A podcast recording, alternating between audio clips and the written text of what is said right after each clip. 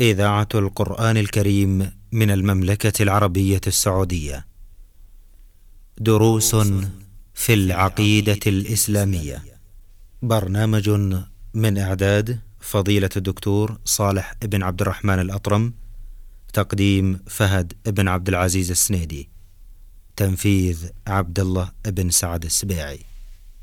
بسم الله الرحمن الرحيم الحمد لله وصلى الله وسلم وبارك على عبده ورسوله محمد واله وصحبه اجمعين.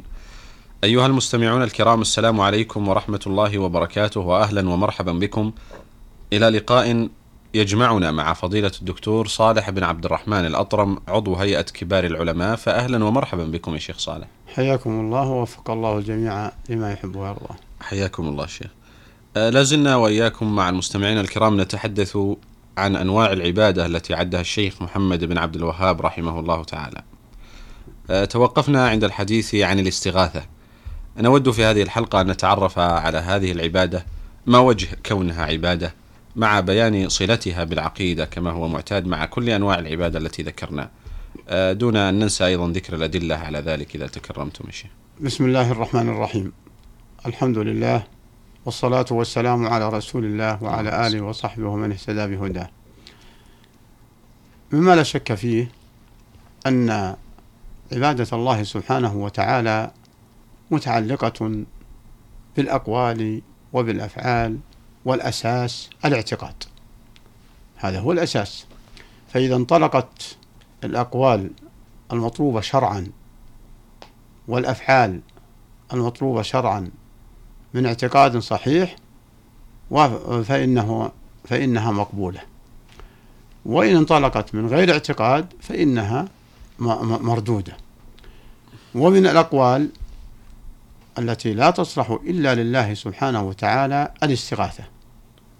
والاستغاثة معناها طلب الغوث وطلب الإنقاذ واللجوء إلى القادر ليستنقذه من ما يخافه أو مما وقع فيه من بلاء أو من شر أو مما يتوقعه. هذا معنى آه، الاستغاثة. نعم. فلما كان المنقذ لصاحب هذه الصفة هو الله سبحانه وتعالى نعم. أصبحت لا تصلح إلا لله. لأن غير الله لا يقدر على ذلك.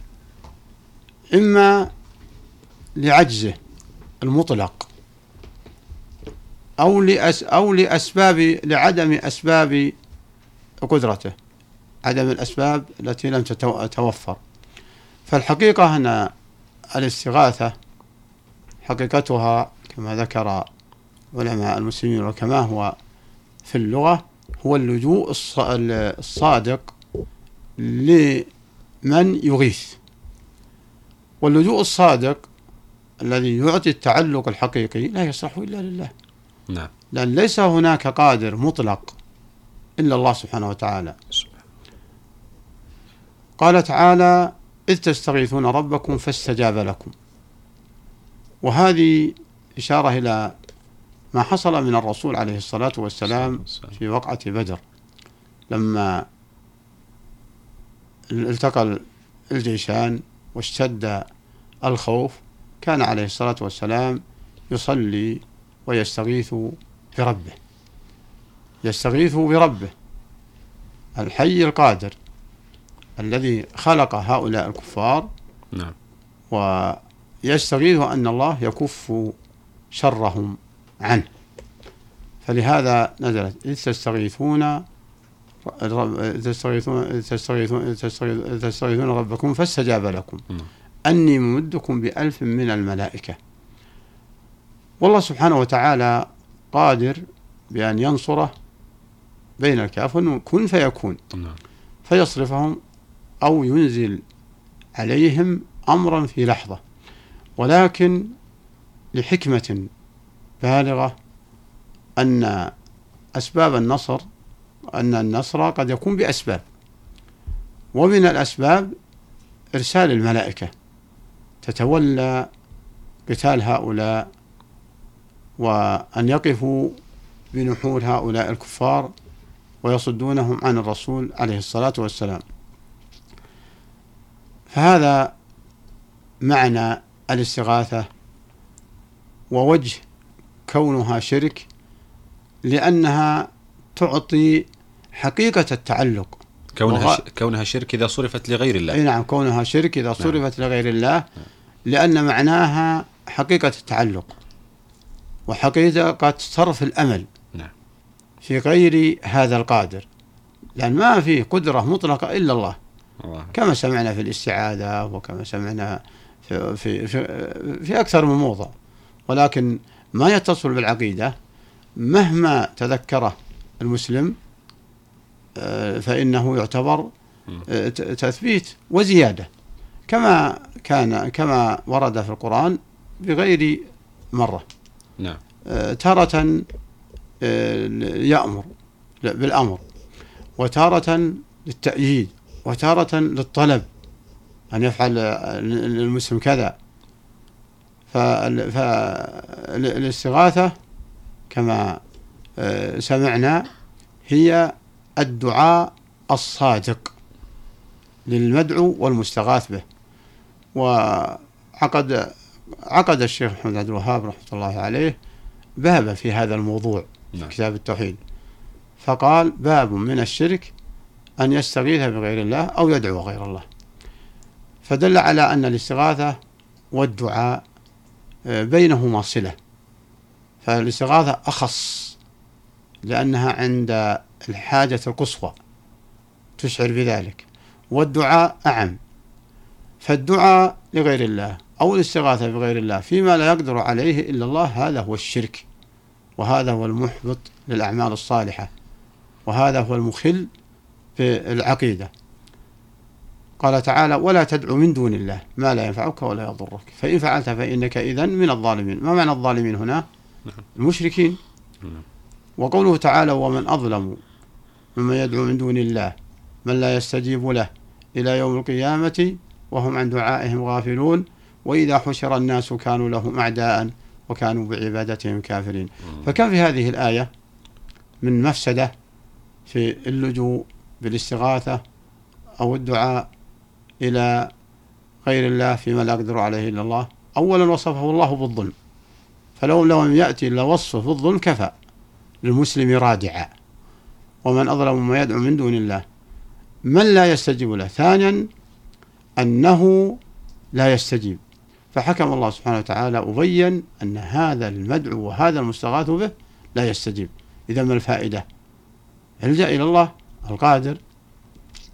ثالثا أنه غافل وهم عن دعائهم غافلون.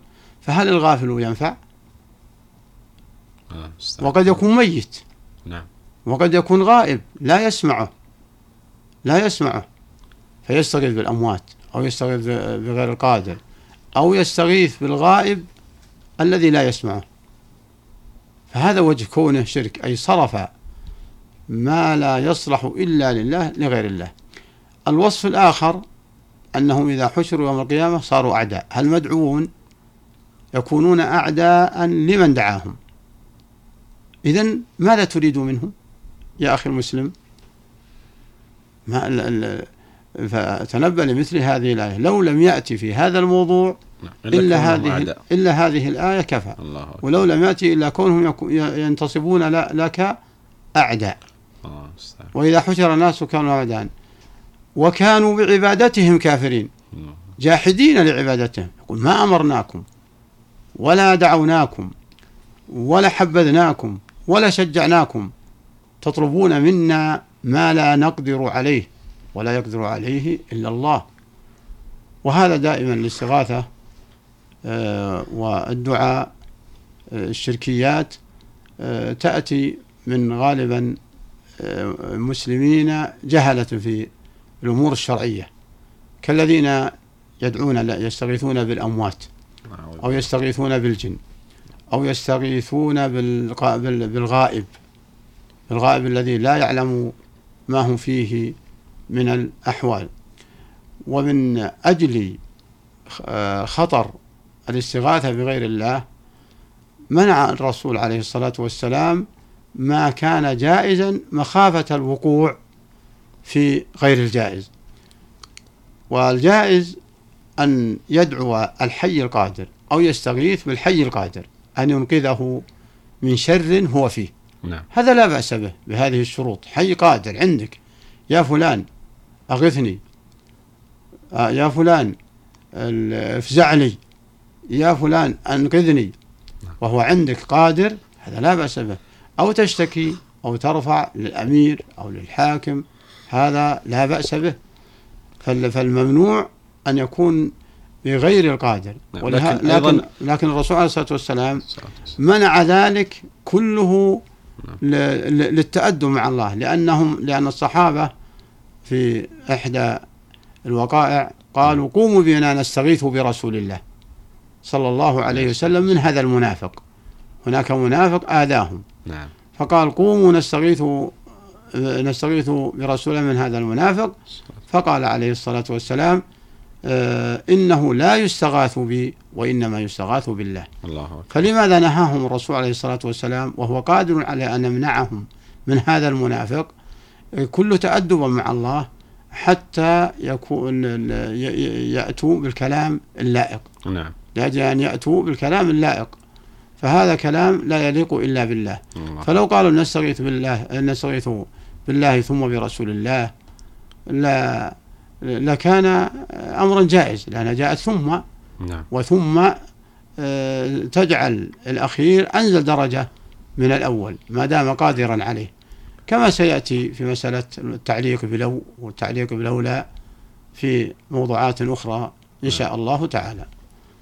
أيضا في الحديث عن نعم. الاستغاثة الجائزة التي أشرتم إليها شيخ. نعم. آه، لا بد أن يكون ال- المسلم أو المستغيث موقنا بأن استغاثته الجائزة هذه بالمخلوق الحي القادر لن يستطيع المخلوق آه، يعني إجابة استغاثته إلا بعد عون الله سبحانه وتعالى وتوفيقه. فيكون تعلقه الأصلي بالله سبحانه وتعالى ثم إيه. بهذا المخلوق. أي نعم لو خلى من هذا ما نعم. من هذا الذي تفضلت به نعم. لا رجعنا لأول الكلام. نعم. أنه صرف هذه العبادة آه، بهذا الشخص وحصر تعلقه به. ولو أن الشخص قادر. ولو أنه ولو أنه قادر نعم. ما دام تناسى جانب الله نعم. سبحانه وتعالى. لكن قد إذا كان قادر آه، قد يقال أنه أنزل درجة مما لو كان غير قادر. نعم. آه، كما لو حلف بغ- بغير الله فهذا يعتبر آه، شرك أصغر. لو قال وحياتك ونحو ذلك. لكن لو اعتقد أن من حلف به آه، بمنزلة الله أو أنه يقدر على ما لم يقدر عليه الله أو أن تعظيمه كتعظيم الله شرك لا أكبر. أصبح يعتقد ذلك لكان شركا أكبر. نعم. فمثله الاستغاثة بالحي القادر. نعم. إذا كان على أساس أنه قادر ولم يعتقد هذا أخف. ما ما في كلام. نعم. أخف ولا يخل إن شاء الله. نعم. آه، بالعقيدة وإنما الأدب أن يقول بالله ثم بك. كما نعم. قال عليه الصلاة والسلام إنه لا يستغاث بي وإنما يستغاث بالله. قالوا قال العلماء وهذا لأجل التأدب مع الله ولأجل أن الصحابة لا يعلقوه به مباشرة. نعم. نعم. بارك الله فيكم يا شيخ على هذا البيان ونتمنى أن يكون آه، بعض إخوتنا المستمعين الذين يقعون في مثل هذه الأمور آه، في البلاد الإسلامية الأخرى يستمعون إلينا آه، ليدركوا خطر الاستغاثة بغير الله سبحانه وتعالى مما نراه منتشرا في بعض الأماكن آه، حول القبور أو نحوها. فنسأل الله تعالى أن يمن علينا وعليهم بالهداية والتوفيق والعودة إلى الطريق الصحيح والاستقامة على هذه العقيدة الإسلامية السليمة. مستمعينا الكرام في ختام حلقة هذا اليوم تقبلوا تحية زميلي أحمد الغامدي من الهندسة الإذاعية. حتى نلقاكم في لقاء قادم. بإذن الله نستودعكم الله. والسلام عليكم ورحمة الله تعالى وبركاته. دروس في العقيدة الإسلامية. برنامج من إعداد فضيلة الدكتور صالح بن عبد الرحمن الأطرم تقديم فهد بن عبد العزيز السنيدي تنفيذ عبد الله بن سعد السبيعي.